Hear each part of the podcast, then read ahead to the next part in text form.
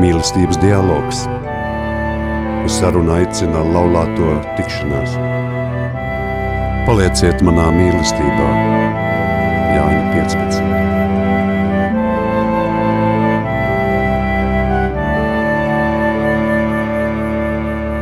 Labvakar! Arī jaunajā gadā kopā ar jums ir apvienības laulāto tikšanās raidījums Mīlestības dialogs, un mēs, Edgars un Sigita, novēlam arī šajā gadā visām ģimenēm mieru un saticību, un mēs savukārt turpināsim sarunāties par laulībai svarīgām tēmām un dialogu lomu, un kā tas var palīdzēt uzlabot laulības dzīves kvalitāti un kontaktēties ar apkārtējo pasauli. Pasakas par princi un princesi parasti beidzas ar vārdiem, un viņi dzīvoja kopā ilgi un laimīgi. Kad gatavojamies laulībai, mums šķiet, ka arī mūsu dzīve būs ilga un laimīga, un nekādas vētras to neskars. Tomēr nereti tā tas nav. Iezogas nesaskaņas, aizvainojumi un daudz citas nepatīkamas jūtas, kas sabojā attiecības. Šoreiz mēs nolēmām parunāt, ar kādiem izaicinājumiem saskaras laulātie un ko mēs varam darīt, lai uzlabotu laulāto attiecības. Uz sarunu mēs aicinājām Uldi un Dainu Žrilo, kuriem ir ilga gada pieredze gan laulības dzīvē, gan arī kā laulāto tikšanās animatoriem. Labvakar! Labvakar!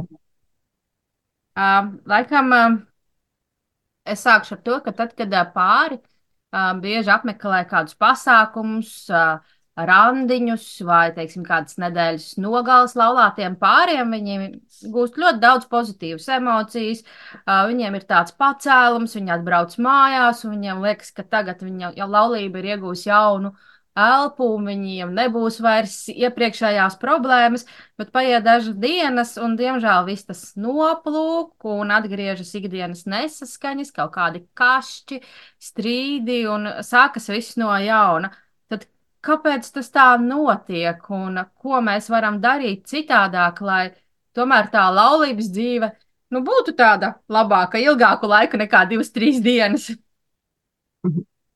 Jā, Te ir ļoti svarīgi tādi aspekti, ka tāda pasākuma, kur cilvēki iegūst šādas spēcīgas emocijas, ir ļoti nozīmīga. Un šādiem pasākumiem ir jābūt. Jo tad, kad mēs pārdzīvojam tādas milzīgas emocijas, mēs kā ieejam kaut kādā jaunā savas pieredzes telpā. Mēs ejam, mēs ieraugam, Es tā jūtos, tā var būt. Tas man iedvesmo, tā es paceļos divus metrus virs zemes. Arī tā var dzīvot, arī to var piedzīvot. Un mans mīļotais jūtas tā, un viņš to domā. Un tas ir tā, kā mēs iegūstam pavisam jaunu pieredzi, e, un tā pieredze mums tiek dota, lai mēs kaut ko ar to darītu. Bet tas nav paliekoši, jo emocijas noplūk un nāk ikdienas rutīna, un nāk dažādi pārdzīvojumi un ikdienas cīņas, kā jau tas normāli katrai ģimenei un katram cilvēkam ir. Un tas tā nesaglabājas, un tad ir pēc šīm emocijām jāpieņem kaut kāda nozīmīga lēmuma pārim. Ar prātu racionāli jāizanalizē, kas ir tas, ko mēs vēlamies, uh, Eh, kur mēs vēl, kā mēs vēlamies dzīvot, mēs, vai mēs vēlamies palikt šajos divos metros virs zemes, kas varbūt nav iespējams, bet uh, uz to mēs varam tiekties. Un mēs varam piedzīvot uh, arī ilgstoši ikdienā uh, patīkams emocijas viens ar otru un daudz mazāk šīs nepatīkamās emocijas. Bet pie tā ir tā ļoti rūpīgi jāstrādā, un šeit ir svarīgs tāds rutīnas ikdienas darbs. Un tas, ko mēs noteikti gribam likt pie sirds, ka pārim ir jāatcerās, jebkuram, vai viņš ir laulāts vai nav laulāts vēl, e, jāatcerās, ka ar tām otru cilvēku, ar tām attiecībām ir ļoti jā, jāņemās, tā kā jākrāmējās. Visu laiku tam ir jāpievērš uzmanība, un tam ir jābūt tādā uzmanības lokā. Tas nav dabiski, tas nav tā kā elpot, tā kā, es nezinu, iedzert ūdeni vai, vai, vai tiešām saņemt šo skābekli pa, pa, pavēlti. Dievs ir devis šīs attiecības kā dāvana, ir aicinājis, bet pēc tam ir milzīgs darbs tajā jāiegulda, ir jāizrāda milzīga interese par to otru cilvēku, um, viņa mīlestības valodām, par viņa vajadzībām, par viņa domām, par viņa būtību, būtību vispār kopumā. Un pašam, protams, ir arī tajā visā jāatverās.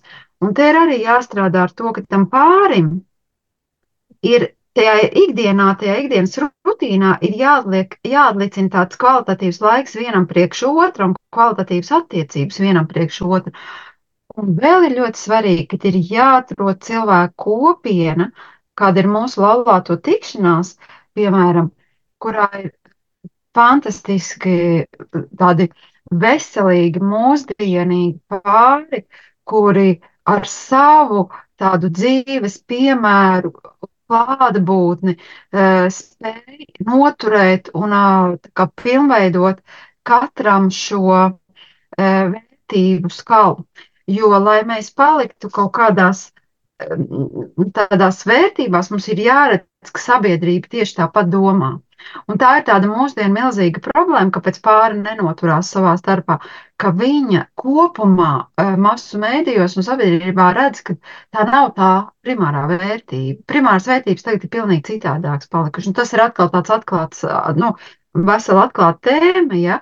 bet šai vērtības skalai sabiedrībā ir jābūt tādai uh, aktuālai, lai tam pārim būtu vieglāk sekot šim aicinājumam, palikt kopā uzticībā un, un, un kopjot savstarpējās attiecības. Jā, es domāju, ka tas varētu būt tāds, eh, kā, kā mēs saucam, varbūt tāds garīgais briedums. Eh, protams, pāris ir daudz pārbijuši mūsu pieredzē, kuri atbrauc uz rekolekcijām, jau šķiršanās robežas, un, un, un viņi izdzīvo rekolekcijas, dzīvo divas, trīs dienas kāpa mākoņiem, pēc tam atkal krīt lejā. Ir pāri, kuri daudzreiz krituši lejā, viņi atkal atgriežas rekolekcijām, atgriežas garīgajos vingrinājumos, varētu tā teikt, un uh, ir šai procesā. Un jo ilgāk pāris šo procesā piedalās, tāpēc baznīca nemitīgi aicina. Gan svētdienas arī mums ir kā tāds atgriešanās process, kurā mēs uh, lūdzam piedošanu, lūdzam dāvājam viens otram mieru, uh, Tas varētu arī būt kā tāds garīgais pieaugums, kādā stāvoklī esmu, kādu mēs dodu šo miera sveicienu savam tuvākajam, kā mēs izlīkstam. Un eh, jo vairāk, lielāka šī pieredze, garīgā pieredze būs starp pāriem, jo viņi būs stabilāki, noturīgāki un, un daudz lietas varbūt racionālāk varēs izvērtēt. Un arī, piemēram, ir ļoti svarīgi tiešām tāda ikdienas rutīnas pasākumi, kur varbūt pirmajā brīdī liekas, piemēram, tās pašas mazās grupiņas, kurās satiekās mūsu pāri, uh, laulāto tikšanās, kur sanāk kopā un kurā var padalīties, tik cik katrs vēlas tā lieta, to dalīšanos, bet dzirdēt arī otru, citu cilvēku liecības, tas dod tādu pilienu pa pilienam mainīt savu dzīvi. Un, un, un tajā vienā vakarā var šķist, ka, nu, varbūt neko es īpaši daudz neuzzināju, varbūt nekas man jauns nebija, bet ja mēs paskatāmies, ka tādi pasākumi ir gadā, piemēram, tie 12, tad tie ienes milzīgas, tādu nostiprina milzīgu, eh, nu, tādu iekšēju kvalitāti, kvalitatīvu savstarpēju attiecību dzīvē. Ja? Tā kā nu, tās izmaiņas var nebūt tādas ļoti acīm redzamas, bet tā kā fundamentālas. Ok, es gribu tad oponēt. Es esmu arī dzirdējusi, ka cilvēki saka, ka, ja pie attiecībām ir jāstrādā, tad tās nav vajadzīgas, jo kas tad, nu, mīlestība, vai tad ir darbs kaut kāds, vai nu es mīlu to cilvēku, vai nu mēs ejam projām. Un varbūt tad, tāpēc arī tās laulības jūka ārā tik ātri. Jā, es esmu ļoti daudz dzirdējis šo, tā kā varētu teikt, tādu nolietot frāzi, ka, nu, kāda tur mīlestība, nu, kas tur jāstrādā pie mūsu mīlestības. Bet paklausoties dažādus Latvijas slavenības cilvēkus, kuri mēģinājuši glābt vai šķīršies no savām laulībām vai vai, vai ir jau citās laulībās, viņi vienmēr ir atsaukšies, ka, ka viņiem prasījuši, kāpēc tas tā noticis, viņi saka, lai cik tas arī banāli neskanētu, es neesmu strādājis pie savām laulības attiecībām. Pie šīm attiecībām, pie mīlestības ir jāstrādā.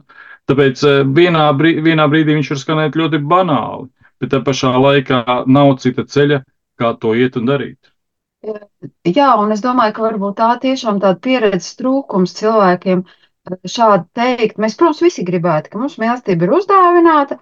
Mēs atnākam un pretī mājās vakarā stāv laimīgs laulātais, un, kurš ir atvērts, kurš ir mīlestības pilns, cieņas pilns, un mums jau viss galds ir saklāts, māja ir skaista, un viss, viss, un mēs esam tādā laimīgā zemē, ja? Bet mēs jau zinām, ka tā tas nenotiek, un, un pie tās attieksmes pret otru cilvēku ir ļoti, katram mums ir jāpiestrādā. Tas, tas nav tā. Tur jau tā mīlestība arī tā, nu, izpaužās, ja?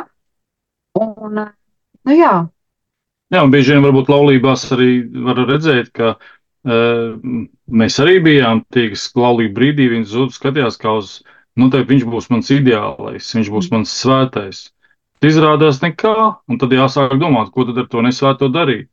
Jeb arī ar sevi, ko ar sevi pašu darīt. Un tad tā izvēlas jautājums, ko tad es daru ar sevi, vai ko es daru ar to otru.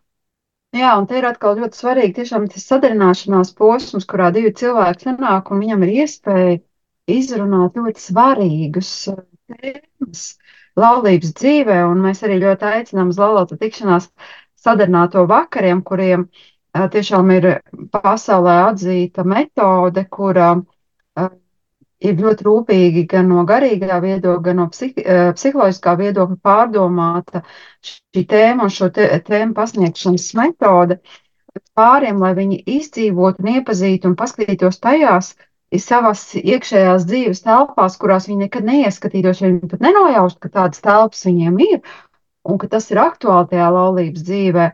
Un Padomāt, kā tad viņi var viņiem klātos, ja viņi piedzīvot tādas situācijas, un ko viņi ņem līdzi no šīm vecāku mājām, kāda viņu pieredze, kādas ir viņu vērtības, kādas ir viņu gaidas, kādas ir viņu vajadzības, un to atklāt arī otram cilvēkam, pamodelēt šīs dzīves situācijas, kurās viņi var nokļūt. Un, mm, e, jo, nu, cilvēki pat nevar iedomāties, ar ko viņam dzīvē ir jāsaskarās, un tas arī bieži laulības dzīvē arī notiek. Tas klupšanas akmens ir tas, ka cilvēki piedzīvo to laulībā, ko viņi nekad nevarēja iedomāties, ka viņiem nāksies piedzīvot. Bet dzīve ir pietiekoši gara, un ir arī visādas tiešām arī grūtības un pat traģēdijas un, un, un, un, un izaicinājumi, ar kuriem jāsaskarās, un kādi tad mēs esam šajās situācijās un kādi mēs būsim. Tas nav Bet, tik vienkārši. Man kā praktiskam cilvēkam radās tajā, ko jūs runājāt, eh, jautājums. Jūs tik bieži pieminējāt to darbu un rutīnas, ikdienas darbs, un ja to kā vairāk izvērstu, ko nozīmē šis rutīnas, ikdienas darbs.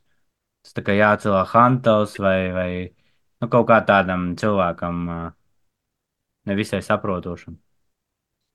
Rutīnas darbs, uh, ko piemin pāvests, kaut ko piemin baznīca, ko piemin visi laicīgie, gan garīgie pārdomdevēji, psihologi, psihiatri, ka pamatlieta tas ir dialogs. Un dialogs, lai kā tas arī gribētu, vai gribētu izmukt, vai gribētu pieņemt, viņš ir kā ceļš starp diviem cilvēkiem. Bez dialoga nav šī ceļa, un tas rutīnas darbs, ja viņu tā varētu nosaukt, tā ir tā viss tas mūsu attiecības kopums. Kā mēs runājam, kā mēs attiecamies, kā mēs pasniedzam maizes ķēli, kā mēs eh, nomazgājam kādu krūzi, eh, kā mēs palūdzam mazos darbiņus, pakalpojumus, kā mēs atbildam uz šiem pakalpojumiem, eh, sniedzot šo mīlestības pakalpojumu vai, nu, vai,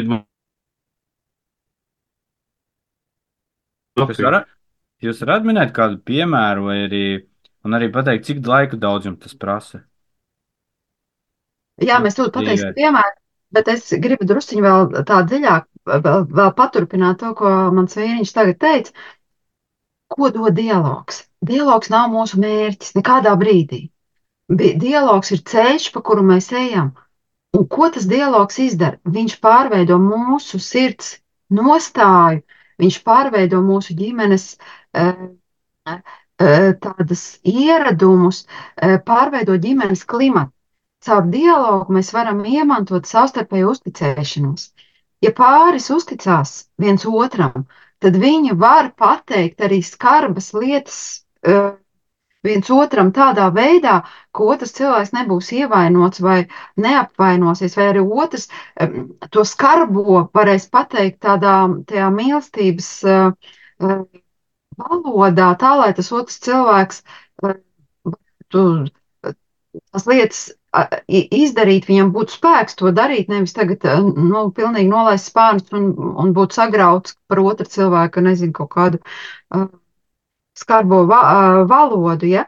Tad šī uzticēšanās Un atkal, ko es laikam ļoti bieži atkārtoju, tas vārds labvēlība, kas ienāk savā starpā, kad jā, mēs viens otram uzstādām arī kaut kādus mērķus un, un savstarpējos mērķus un kopējos mērķus, kas nav viegli sasniedzami, kas prasa mums tiešām kaut kādu darbu un tā tālāk. bet to mēs izdarām ar to labvēlību, jo mēs vēlamies kopējo labo mūsu ģimenē, mums, mūsu bērniem, mūsu tuvajiem cilvēkiem, draugiem. Un atgriežoties pie iepriekšējā bija jautā, pie jautājuma, ko darīt, kad cilvēki atgriežas no garīgām rekolekcijām vai sadarbinātie vai, vai citām, citiem tādiem garīgiem piepildītiem pasākumiem, un kā to visu noturēt. Un uh, tad ir tas turpinājums un atbildi, ka tā ir tā ikdienas darbs un rutīna. Uh, dzīvot, mēģināt dzīvot, mēģināt izprast sajust sīkumus, izdzīvot šeit un tagad. Ja man jādomā par rītdienas darbu un sievai jāpasniedz kafiju, uh, tad droši vien, kad man jābūt šeit un tagad, tajā brīdī, kad to kafiju sataisīt. Uh, un, bieži vien cilvēki arī pazaudē sevi domājot par rītdienu, bet neizdzīvojot tagadni tajā brīdī, kurā viņš ir, kurā viņš komunicē, kurā viņš darbojās. Tas ir viens no tādiem maziem elementiem, varbūt visā kopējā tādā e, paš, pašattīstības vai, vai, vai, vai pašizaugsmes e, ceļā.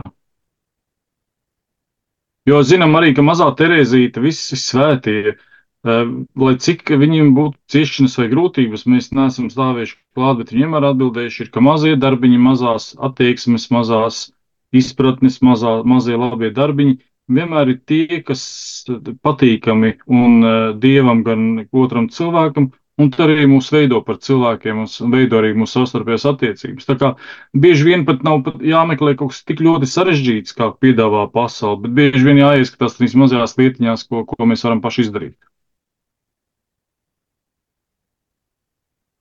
Kad uh, mēs gatavojāmies šim raidījumam, mēs prasījām savos sociālajos tīklos, Facebook, Instagram, laulāto tikšanās konta sekotājiem, lai viņi padalās tad, uh, par kaut kādām problēmām, kas viņuprāt skar pārus. Un tad mēs atgriežamies pie šī ikdienas darba, attiecībās. Un um, tad viens cilvēks prasīja, kā tad runāt ar to savu laulāto ikdienā, kad ir nogurums pēc darba atnāc mājās.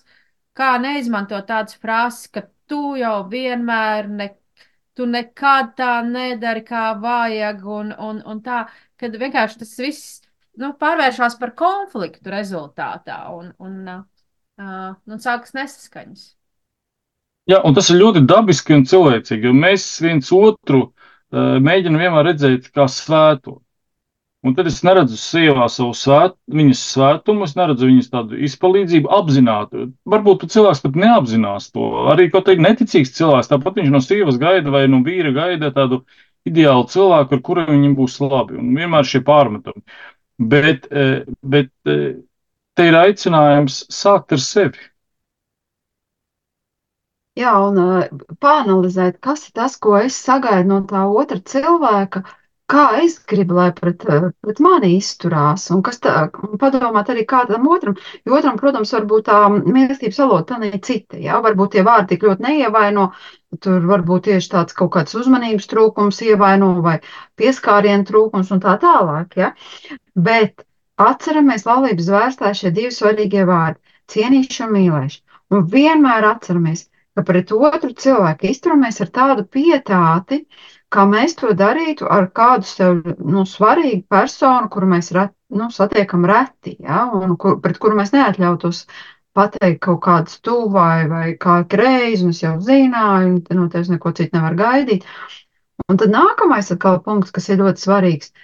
Mums ir, ja mēs dzīvojam 21. gadsimtā, neviena informācija nav apslēpta. Šī visa informācija ir pieejama grāmatās, var, var klausīties šo raidījumu, vēl citus raidījumus kā mums jārunā, lai šīs savstarpējās attiecības būtu um, nu, tādas piepildītas mīlestībā, piepildītas un tiešām tāds vispārinājums, vērtējums, pamācības, uh, teikumu sākšana ar to, to it īpaši, ja mums ir kaut kāds uh, netik labs uh, noskaņojums un attieksme pret otru cilvēku, nu nesākam vārdu tu, jo pēc tam sekos vērtējums un kaut kāds nosodījums. Un, To visu mēs varam zināt, to mēs varam iemācīties. Un tas viss ir atkarīgs no tā, cik mums ir iekšējais spēks un briedums uh, kontrolēt savas emocijas un otru cilvēku mīlēt tā, lai um, viņš varētu atvērties un uh, lai viņš varētu izaugt tajā labākajā veidolā šajās attiecībās, un arī es varētu izaugt tajā labākajā veidolā.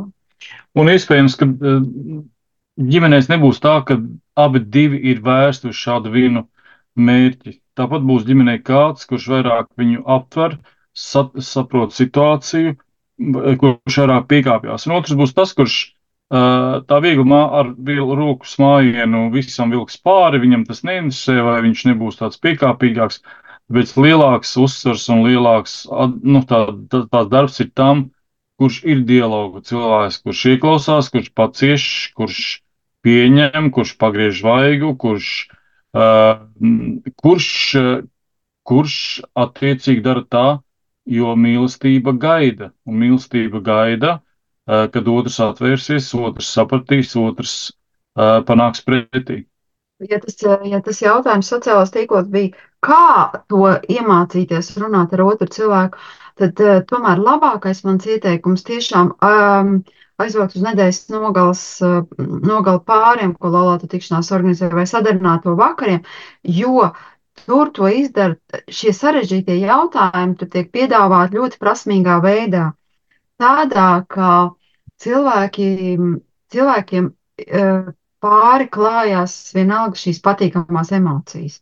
Un mums vienmēr gribas atgriezties tajās vietās, kur ir patīkamas emocijas, Un, ja mēs esam atrisinājuši smagus jautājumus ar pietiekoši patīkamām emocijām, tad mēs gribēsim atgriezties kādreiz dzīvē pie šiem jautājumiem.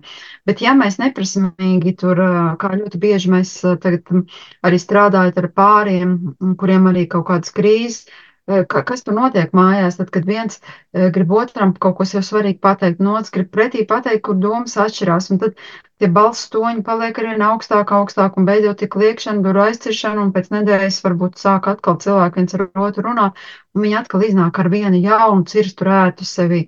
Un, Viņi vairs negrib atgriezties pie tā jautājuma. Un tad atkal veidojās ģimenē tādi skāpji ar skeletiem, no kuriem negribas to skāpjus atvērt.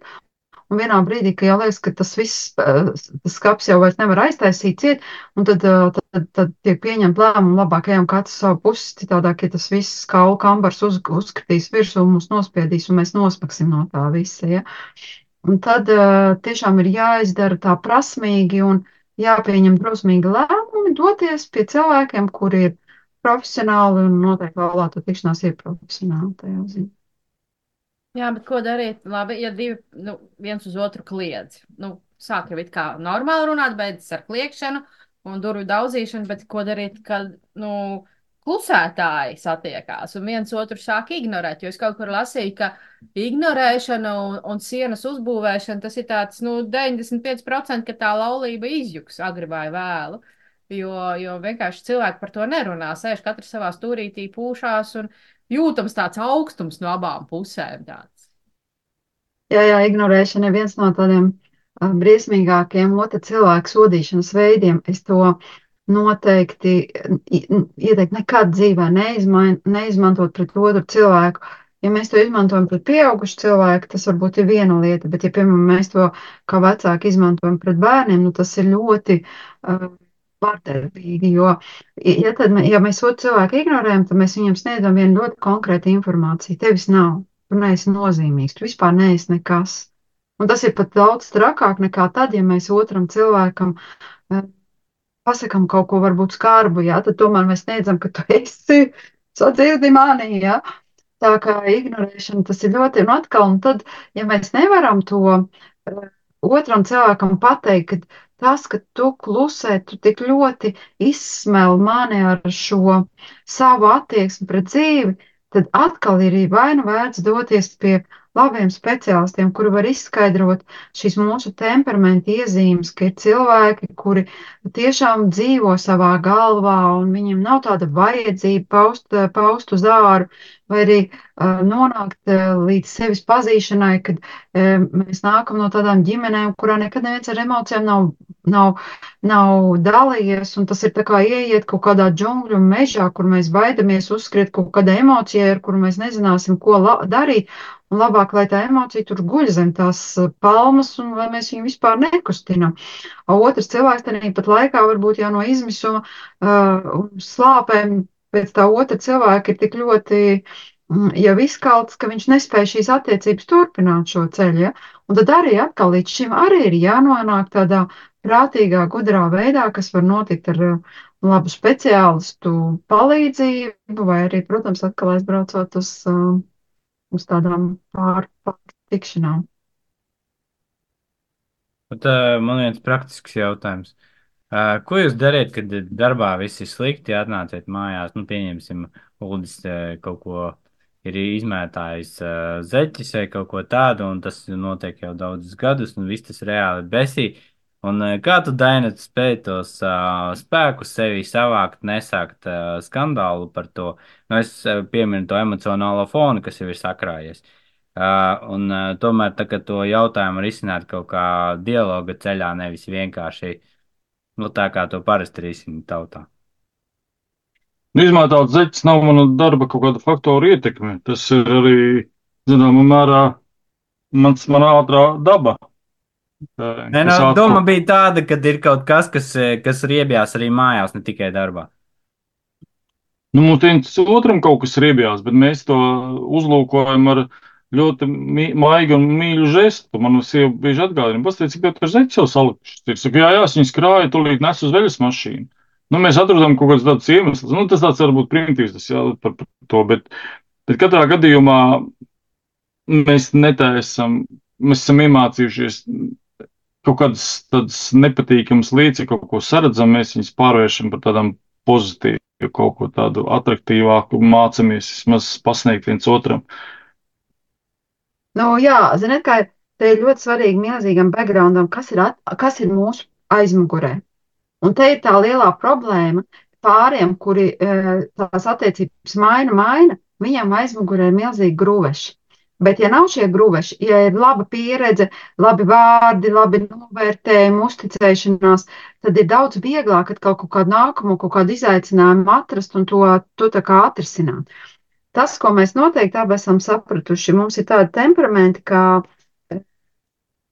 nu, man, es runāšu varbūt tagad vairāk par sevi, man noteikti tāds temperaments, kad es um, tajā ātrumā varu kaut ko pateikt tādu, ko es pēc uh, vairākām stundām vai dienas nedomāšu. Un to es esmu iemācījusies gan darbā, lai neievainotu savus kolēģus, gan arī mājās savam vīram. Uh, Un īpaši mēs tiešām ģimenē, to, to arī ar, ar dēliem mēs to esam sapratuši, ka arī jaunieši mēs varam ļoti ievainot kaut kādu, nu, kaut ko pateikt, pat, kas mums liekas, varbūt maz tik traki, bet nē. Un mēs, un tad noteikti tad mēs runājam tad, kad tās emocijas ir pārgājušas. Es esmu iemācījusies, ja es redzu kaut kādu zeķis vai kaut kādu, kas nav tā kā manā skatījumā pietiekuši tīrs, es to paustu un aiznesu uz vējas mašīnu, un es daudz netērēju uz to, ja. Uh, Kā mums ir tāda savas niansītes. Labi, pie šīm niansītēm tad arī taisīsim nelielu pauzi, arī ļausim mūsu klausītājiem atpūsties un klausamies dziesmu. Piespied stop un klausies, kāds iet zaros vējš, lai jau šodien citi ugunsgrēkus dzēš. Lai jau šodien citiem sapņus pārni lūs, noliec malā airus, lai tie saulē žūst. Gana pretī straumei neprātīgi iet, gana dzīvam esot steigu karos mirts. Gana pretī straumei neprātīgi iet dzīvam esot steigu karos mirts.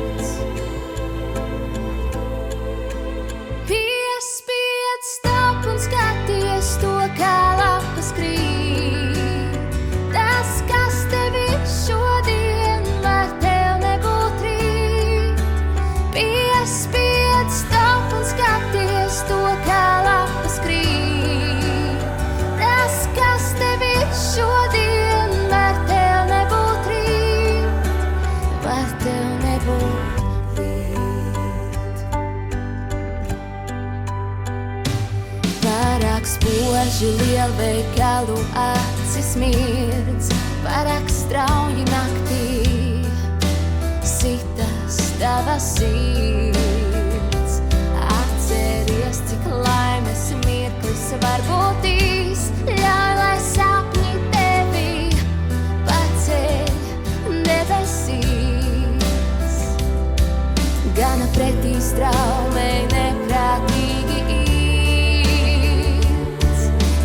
Dzīvam esot steigu karos mīts. Gana pretī straumei neprātīgi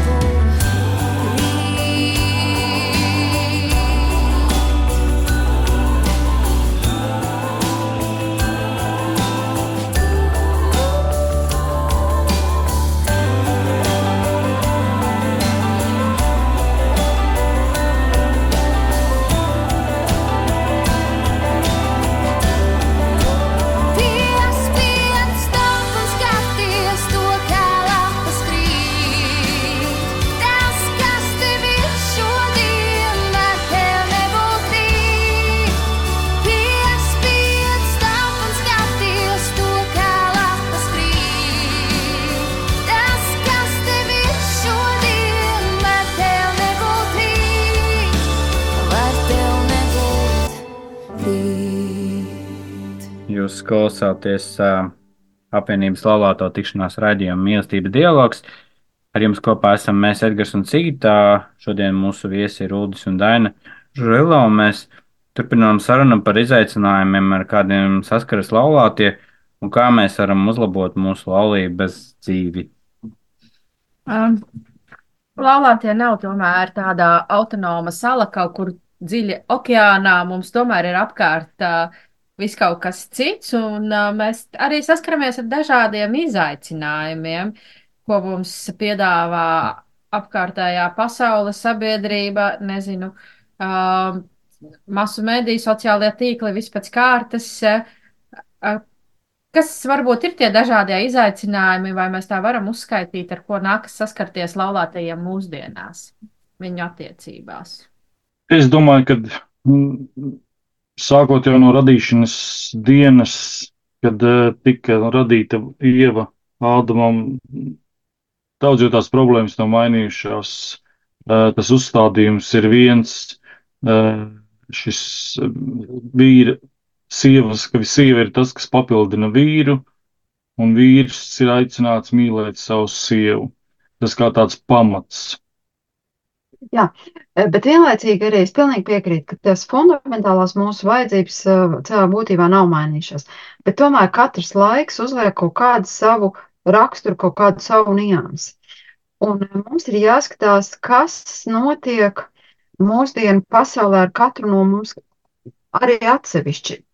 Eh, Jo izrādās, ka es jau esmu arī, man liekas, to teikusi, ka Latvijā, piemēram, gal, viens no galvenajiem šķiršanās iemesliem ir uh, pāri interešu trūkums. Tātad pārim nav kopīgi interešu. Kas notiek tad ar mūsdienu pāriem? Bieži vien cilvēki ir pieraduši tik ļoti komunicēt uh, tehnoloģijās un neattīsta šo savstarpējo sārunāšanu, savstarpējo laika pavadīšanu, kaut kādas savstarpējās intereses, ka viņam vienā brīdī var šķist, ka ar to otru cilvēku ļoti garlaicīgi. Un viņš varbūt iepazīstās ar kādu citu cilvēku, ar kuru parunājas, wow, un tas cilvēks tik ļoti interesants. Atnāk mājās, un tā bilde jau ir tā kā zinām, un, un nav nekāda interese vairs iezināties tajā otrā cilvēkā. Un pie tā arī ir atkal uh, jāpiedomā, kā veidot, ko kopā darīt. Um, kas ir tas jēgpilnais piepildījums? Un strādājot vēl ar arī pāriem, tas, ko es esmu ievērojis, ka Jo vairāk cilvēkam ir ko dot, ir man tādi pāri, kuri reāli viņi ir uh, gan ticīgi, viņi ir tādi ļoti uh, nu, ar resursiem dot, dot citiem, un viņi šos resursus ne, neiz, neiz, neiztērē. Un viņiem resursi, viņiem nav idejas, ja, nu, kur iet, nezinu, uz uh, dzīvnieku patversmēm staigzināt suņu, nu, tas nav viņu tāds, tāds kaut kāds mēģis vai, vai vai tas kādā sabiedriskā darbā iesaistīties. Nav saprotams, kādā un kur, ne, nezinu, nezinu kā. Ja?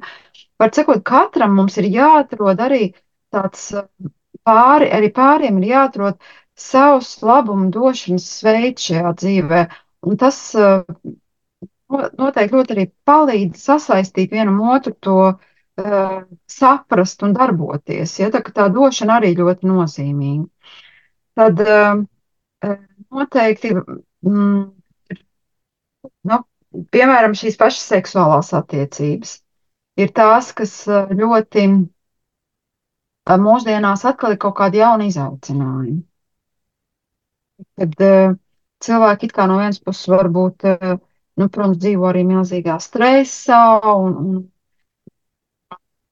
kaut kādās arī rūpēs, varbūt nav tik fiziski daudz nostrādāta, bet, bet, bet stress un, un, un viss pārējais arī šo, mazina šo seksuālo vēlmi vienam pret otru. Un ļoti daudz pāri arī saka, ka jā, tad, kad mēs vēl gandrīz vēl nebijām laulājuši, šis bija laulības sākumā, un tad tā interese vienam par otru bija, un tad, kad tā laulības dzīve ir, tad, tad, tad vairāk tā interese nav.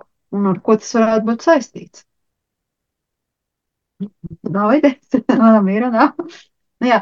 Nu, pirmām kārtām ir tā, ka e, tas, protams, viss nāk no tā, ka e, mēs dzīvojam laikā, kad e, mūsu sabiedrība ļoti, ļoti, tas jau vispār zināms, ka ļoti, ļoti ir seksualizēta. Un tās reizes, piemēram, man arī skatoties, ir redzot, ka piemēram, izglītības iestādēs bērni piekļūst pie tādas informācijas, kas nav viņam, atbi viņiem atbilstoši, un tas ir milzīgs šoks, un ar to gribas, tu trauks, tu nevar tikt galā, un gribas dalīties, un būtībā jau cilvēku prāts ir kaut kādā ziņā uh, izmainīts uh, trauma.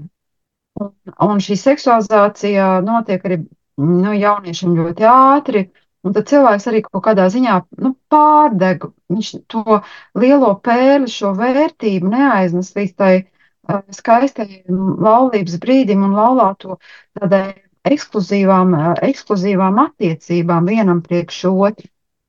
Un tad, kad tā laulība jau notiek, tad pāri bieži vien šīs seksuālās attiecības neveido pietiekoši atkal gudri un saprot, ka nu, tas gaidītais vai cerētais nemaz kaut kāds piepildījums nav šajās attiecībās. Un, un, un tad ātri vien nu, noplūk, noplūk šī interese. Un tas, par ko mēs noteikti arī gribam teikt, ka pie šīm attiecībām ir ļoti būtiski uh, strādāt, uh, interesēties vienam par otru un atcerēties, ka šīs seksuālās attiecības tas nav tikai uh, kaut kāds nakts pasākums vai gultas pasākums, bet seksuālās attiecības pāri starpā notiek visas uh, 24 stundas, 7 uh, dienas uh, nedēļā un sagatavo šo vēlmi vienam pret otru. Jā, es tieši gribēju teikt tā, tā ka nu, kaut kādas nesaskaņas, kas ir mūsu ikdienā, neizrunāšanās, arī ienāk šajās seksuālajās attiecībās, un tad vienkārši, ja ir kaut kāds kašķis neizrunāts, tad cilvēki vienkārši pagriežās viens otram pagriež muguru un nekas tur arī nesanāk, jo, jo ir aizvainojums un negribētu kaut kādu in, intīmo tuvību. Varbūt uh, ir vērts paskatīties arī no citas puses nedaudz, ka seksuālā attiecība ir parādīta mūsdienās kā tāds mīlestības kulminācija. Un tad divi cilvēki sanāk kopā, viņi pirmos gadus, divus gadus šo kulmināciju iegūst, un tad šī kulminācija pazūd. Bet eh, vai seksuālās attiecības ir tas, kas ģenerē? Es nedomāju, ka seksuālās attiecības ir mīlestības ģenerators. Šim mīlestības ģeneratoram droši vien jābūt kaut kur citur, lai viņš nav kā prioritāte un pamats. Ja mēs skatāmies sabiedrībā, eh, laulāto pāros, tad visiem ir uzstādījums tāds, kā, ka mums ir ļoti labs seks, mums ir ļoti laba intīmā dzīve, bet eh, pieredze rāda, ka šī intīmā dzīve jau pat pazūd jau pēc diviem, trim gadiem. Ko tad darīt tālāk? Tad droši vien kaut kāds fokus jā, jāskatās citā virzienā, ir, kas cilvēks spēj piepildīt, piepildīt pēc mīlestības, bet katrā gadījumā apzināties to, ka seksuālas attiecības ir viens no mīlestības piepildījums ar pāri, bet tas nav noteicošais, kas var piepildīt mīlestības ilgas. Jā, bet vienlaicīgi šīs seksuālās attiecības ir um, ekskluzīvas divu uh, cilvēku starpā. Un uh, šī īpašā uh, tad, nu, tāds emocionāls gan baudījums, gan piedzīvojums, gan šī tuvība viņa tam pārim nodrošina tādu milzīgu sasaisti savā starpā. Jā, grūti varbūt to vārdos pat tā noformulēt, bet, eh, bet noteikti šīs pāriem, kuriem ir šīs seksuālās attiecības dzīves un, un, un tādā ikdienā piepildītas, viņu šī vienotība ir daudz dziļāka nekā pāriem, kuriem izpaliek šīs seksuālās attiecības. Un bieži vien ir tāda arī greizi pie kaut kāda priekšstata par šīm seksuālām attiecībām arī pāriem, kuri ir, uh, kuri ir uh, tādā ticības dzīvē, esam pieredzējuši, ka viņi var uzskatīt, ka seks, no seksuālām attiecībām ir jāturās, ka tas arī pieder pie tāda ikdienas kaut kāda gaveņa. Jā, varbūt var pieņemt pāris, ka kādu, kaut kādā, nezinu, gaveņa laikā, kaut kādā periodā var atteikties no šīm seksuālām attiecībām. Bet mēs nevaram to laulībā pieņemt, ka tas ir kaut kāds regulārs atturēšanās veids, kā mēs uh, uh, to pieņemt tikai tāpēc, ka tā mēs esam iedomājušies, un bieži vien tas ir uh, vairāk saistīts ar kaut kādiem psiholoģiskiem aizspriedumiem, piemēram, uh, nevēlēšanos pēc otra cilvēka, un nu, tā kā netiekšanos pēc šīm seksuālām attiecībām, tad pieņemt, ka tas var būt tā kā tāds reliģisks akts, kas palīdz mūsu reliģiskai dzīvei un iešanai uz mūžīgo dzīvi. Ka nē, tieši pretēji, ka tas visticamāk attālina no otra cilvēka, no šīs mīlestības mm, piedzīvojuma un savstarpējās tuvības padziļināšanas. Un līdz ar to tas noteikti nav nekādā veidā sasaistāms ar tādu garīgo dzīvi. Jā, man līdz kādam dzīves posmam bija tas jautājums, kāpēc Kristus uh, minēja, ka, ja jūs arī uzlūkojat ar iekāras acis citu sievieti, tad jūs esat pārkāpis laulību. Es domāju, nu, gan skarbi, nu, visur tādas skaistas meitenes staigā riņķī, un, un, un, un acis citreiz arī grūti noturēt. Bet tam, ja skatāmies, tad ir nedaudz dziļāk tāda būtība, tāds aicinājums ka, ja mēs fokusējamies uz savu sievu, ja mēs fokusējamies uz savu ģimeni, uz, uz to, kas mums ir dārgs, mēs neļaujam emocijas vai spēku vai naudas tērēšanu kādā, kaut kur pa, pa labi vai pa kreisi, tad mēs šīs attiecības ļoti labi varam saglabāt arī nākotnē. Es šeit nerunāju tieši par tādu kā laulības pārkāpumu, bet pirmajā posmiņā, ka mēs visu savu domas, visu savu gribu fokusējam uz savu tuvāko, un kas mums palīdz saglabāt intimitāti, palīdz saglabāt tādu rotaļīgumu, ilgas pēc viens otra intrigu, arī tādu noslēpumainību, tādu visas iespējamās priekšspēles vai, vai, vai glāstīšanu viens otru, vai, vai varbūt, zinu, ka Edgaram masā, masāžas patīk. Man ir sīkts, jā, vai vēl kaut kas tāds. Tas viss tāds kop, kopumā, kas mūs aicina koncentrēties uz savu tuvāko un, un uh,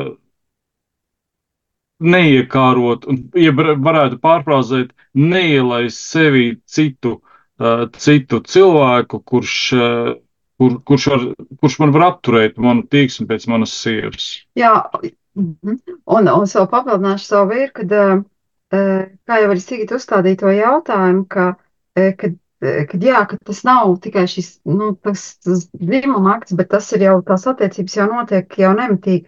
Piemēram, man ir ļoti svarīgi, kad es redzu, ka mans vīrs, tad, kad viņš risina savus darba jautājumus, viņš ir kaut kāds nu, tāds dzels, racionāls vīrietis, bet ar mani attiecībās viņš var būt piepildīts ar humoru, un ka tas viss ir tik ļoti tādā lielā izteiktā maigumā, kā viņš izturs pret mani, ka viņš vienmēr sagatavo man ļoti garšīgas vakariņas, un, un tas viss jau veido to tādu ģimenes intimitāti, un tā, tajā jau viss šis tas um, intīmās attiecības notiek jau realitātē, ja? kaut gan, nu, varbūt tas pats. Inzīmes redzējis statistiku, kur vidēji tika minēts, ka pasaulē vidējais akts ir 5 minūtes.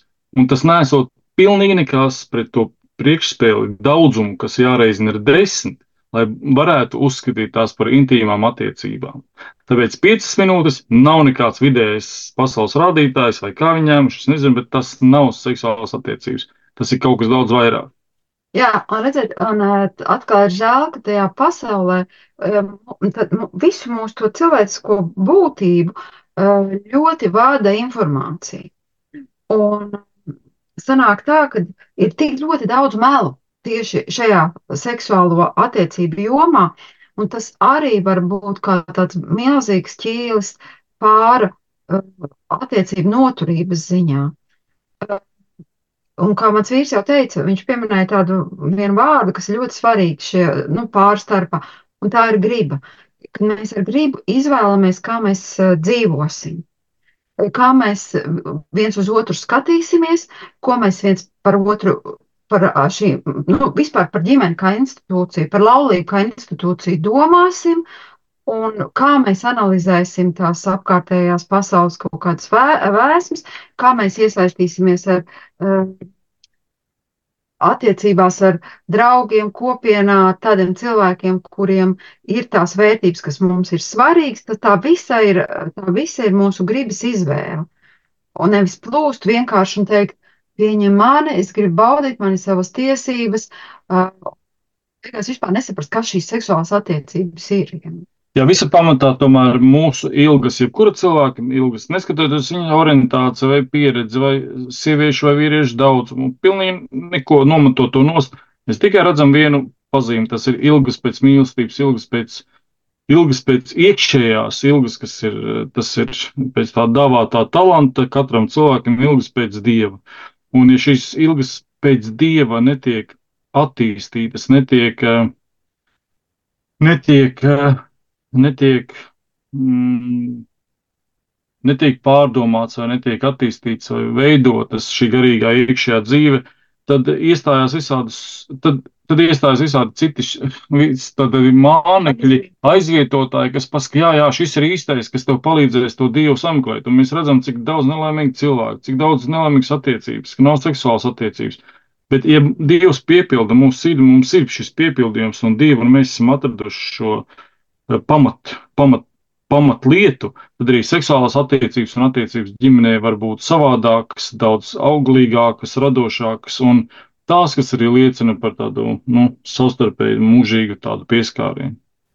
Mums nav daudz laika palicis, bet es vēl gribētu vēl vienu lietu izvilkt no tā, ko mums atbildēja mūsu sekotāji, ka viens izaicinājums, bet man liekas, ka tas ir mūžīgais izaicinājums pāri attiecībās, tā ir greizsirdība, kas iezogās un, un arī traucē laulības dzīvi, tādu harmonisku veidot.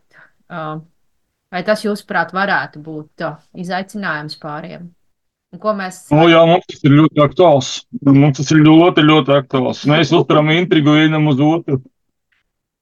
Bet kurš tad ir greizsirdīgs? Tu vai Daina? Abi divi. Bet tādā pozitīvā mēs šo greizsirdību atrodam tādā pozitīvā. Mēs uzticamies viens otram, mēs zinām, kad, ka kolēģi, kaimiņi vai kaut kas cits.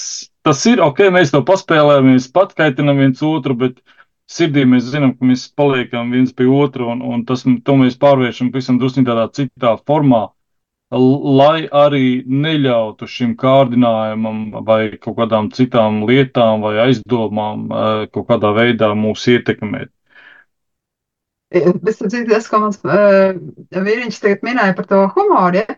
tas ir milzīgs resurss pārstarpā. Uh, Mēs visiem pāriem no, mēs, ziniet, mēs jau esam abi divi, piemēram, tie klasiskie latviešu pelēkie, ja? Mēs jau nākam no tādām ģimenēm, kur kas tas humors, vispār kas tas ir, jo kaut kā, ko tur nē, saņemies ej un ar savu vagu, ja? Un nemaz nedomā pasmieties par kaut ko, ja? Bet, um, bet uh, mēs esam to ieviesuši ģimenē. Un, un uh, arī strādājot ar pāriem, mēs redzam, cik ļoti tad, ja, ja cilvēki spēja pasmieties savā starpā par sevi, pasmieties par otru, par kaut kādas pasastarpējām attiecībām. Nu, tas viss ļoti milzīgu spriedzi, no, no, ļoti milzīgu spriedzi novada, ja, un mēs arī to esam atklājuši kā milzīgu tā dieva dāvanu. Bet ar greizsirdību tur ir jāskatās tā. Ir cilvēkiem, kuriem ir tāda patoloģiska greizsirdība, un ir tiešām uh, bijis saskarsme pāriem, kuriem, nu, kurā viens ir tik ļoti greizsirdīgs, ka tas otru, nu, vienkārši smacējā nost, nu, ka nevar paskatīties, nezinu, nu, nu kaut kā, nu, nu, normāli vienkārši funkcionēt. Nav iespējams, ka otram viss liekās un ir tāds aizdomīgs, tas, protams, saistīts gan ar to temperamentu, ar to nervu sistēmu, ja, tur nemaz tas pārsvars, nu, viņš nevar piedzīvot tādas miera attiecības, kurās veidojas šī savstarpējā uzticēšanās. Tad iznāk, tas otrs cilvēks vispār nevar iziet no mājas. Arī tādi gadījumi ir, kad pilnīgi nevar otrs iziet no mājas, jo kā iziet, tad noteikti kāds būs kaut ko ar viņu parunājis, un tur ir greizsirdības iemesls uh, pilnā mērā. Un ar šito ir jāskatās, ja mēs redzam īpaši pāri, kas tagad nāksiet atkal gatavoties sadarinātiem sadarīt to vakaros un gatavoties laulībā.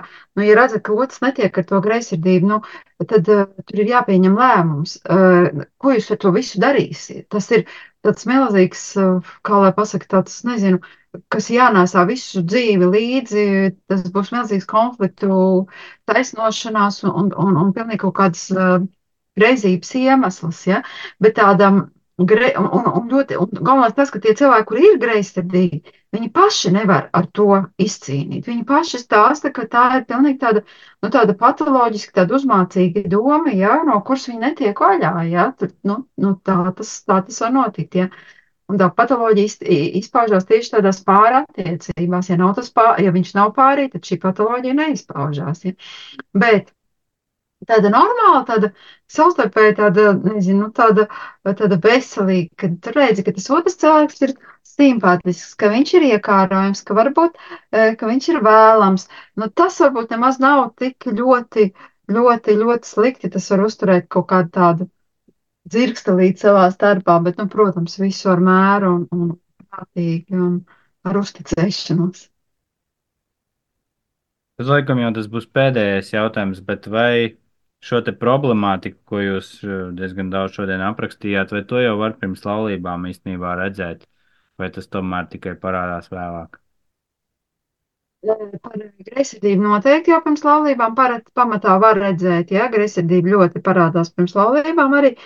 Par, par, jūs domājat, vēl par nu, nu, vairāk? Vispār arī šo nesadarību, garlaicību, seksā un Es nezinu, kaut kādas dažādas, dažādas problēmas, ko jūs pieminējāt arī citādi, ka tās jau to varēja laicīgi īstenībā redzēt, vai mums vienkārši bija tās rozā brilles, vai, vai, vai, vai tas tā kā izveidojas lēnā garā? Nojausma. Katram cilvēkam nojausma ir kaut kāda pirms laulībām. Tad, kad viņi nāk, um, lai atzītu laulību par spēkā neesošu, ļoti bieži viņi raksta, man jau to teica, nu, tur kaut kādi uzticami cilvēki teica, ka to jau bija novērojuši. Man pašam tā likās, bet likās, ka es tikšu ar to galā. Ja? Nu, šitās mazās niansītes nevajag, nevajag palaist garām un nevajag pasteikties ar to savstarpējā attiecību sasaistīšanu vienam pie otra. Uh, jā, un tas, kas noteikti pirms laulībām ir jāņem vērā, ja nav šī tieksme arī seksuālā ziņā vienam par to, tas ir milzīgs sarkanais signāls, ko jūs darīsiet laulībā. Laulībās dzīvē, seksuālai dzīvē ir jābūt uh, pietiekoši intensīvai dzīvai, nu, regulārai, vēlamai un tā tālāk. Tā ka tam ir jāpievērš uzmanība, un noteikti laulības pirms laulībām arī ir jāpievērš uzmanība, ko tādi uh, ko, ko, ko uzticami cilvēki saka par otru cilvēku. Te ir jāizvēlas, kas ir tiešām tie uzticami. Nevienmēr tās var būt, uh, nu, varbūt māmas, kuras grib neatpalaist savu mīļo dēliņu projām no sevis vai mīļo meitiņu un liekas, ka tur tagad viņam klāsies sliktāk nekā tajā uh, vecāka aprūpas līgzdā, kaut gan paši mm, nespēja vienkārši šo nabas saiti pāraut ar savu bērnu. Ja? Bet eh, tiešām tad uzticam prātīgi cilvēkam uzticās, un ja viņi norāda uz kaut kādām uh, signāliem, kas varētu nebūt foršs šajās attiecībās un kas varētu pēc tam izvērties par milzīgu krīzi, uh, tam ir jāpievērš uzmanība. Labi, jāsaka, jums būs laikam paldies, jo laiks iet ļoti ātri, un tā, ko es mēģināju nedaudz pierakstīt, tas, kas man palika no šīs te mūsu sarunas, ka, uh, ka ļoti svarīgi, kā Udis teica, izdzīvot visu šeit un tagad, kad, ka ļoti palīdz humors un, un no Dainas es paņēmu kopējās intereses. Es ceru, ka tās ir lietas, kas noteikti var palīdzēt mūsu klausītājiem. Bet, kā jūs arī dzirdējāt diezgan daudz mūsu redzījumā, tad, tad mēs organizējam pasākumus, kas jums var palīdzēt risināt visus šīs jautājumus. Un, un, arī īpaši aicinam jauniešus, kas gatavosies laulībām, tomēr ļoti nopietni iet šo programmu un gatavoties un pārdomāt to laicīgi. Uh,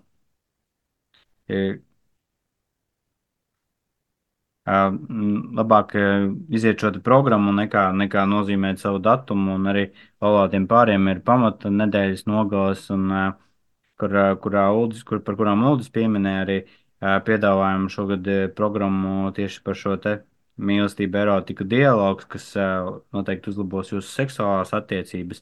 Informāciju par šiem pasākumiem var atrast, atrast mūsu mājaslapā www.laulātiem.clv. Varat mums arī sekot uh, Instagram un Facebook kontos, tur arī var atrast visu uh, nepieciešamo informāciju. Arī pāriem, kas ir apmeklējuši mūsu organizētās nedēļas nogalas, var, viņi var, turpināt šo savu dialogu arī mazajās grupās, ko savukārt pieminēja Daina. Un, Arī, ja jums ir kāda krīzes situācija, tad mūsu animatori labprāt jums sniegs savu atbalstu, kā, kā vienkārši cilvēku ar jums parunājoties. Un, ja jums ir kādi jautājumi, vai arī gribat ierosināt kādu tēmu, ko, ko mums uh, apskatīt mūsu raidījumā, tad droši rakstiet mums. Uh, un uh, visdrīzāk jau Facebookā un Eterā mēs ar jums tiksimies 11. februārī. Bet nobeigumā laulāto lūkšanu. Kungs, Jēzu, es lūdzu tev dialogu dāvanu mūsu laulībai. Palīdz mums vēl labāk ieklausīties manā sievā, vīrā, palīdz mums apusē labāk iepazīt vienam otru, dalīties vienam ar otru, piedot viens otram. Dod mums delikātumu un maigumu mūsu sarunās un dari, lai tās vestu pie patiesas tikšanās vienam ar otru un abiem kopā ar tevi. Palīdz mums aizvien labāk pieņemt vienam otru, radīt vienotību, kurā mēs varam palikt tādi, kādi esam. Lūdzu, diedini to, kas mūsos ir sarežģīts un grūti panesams, kas mūs šķir, un palīdz visus lēmumus pieņemt ar mīlestību, kas izriet no dialoga vienam ar otru un ar tevi. Palīdz mums priecāties par mūsu laulību un vienmēr palikt tavā mīlestībā. Amen. Amen. Ar Dievu!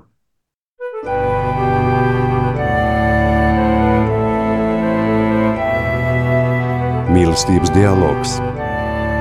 Uz sarunu aicina laulāto tikšanās. Palieciet manā mīlestībā, Jāņa 15.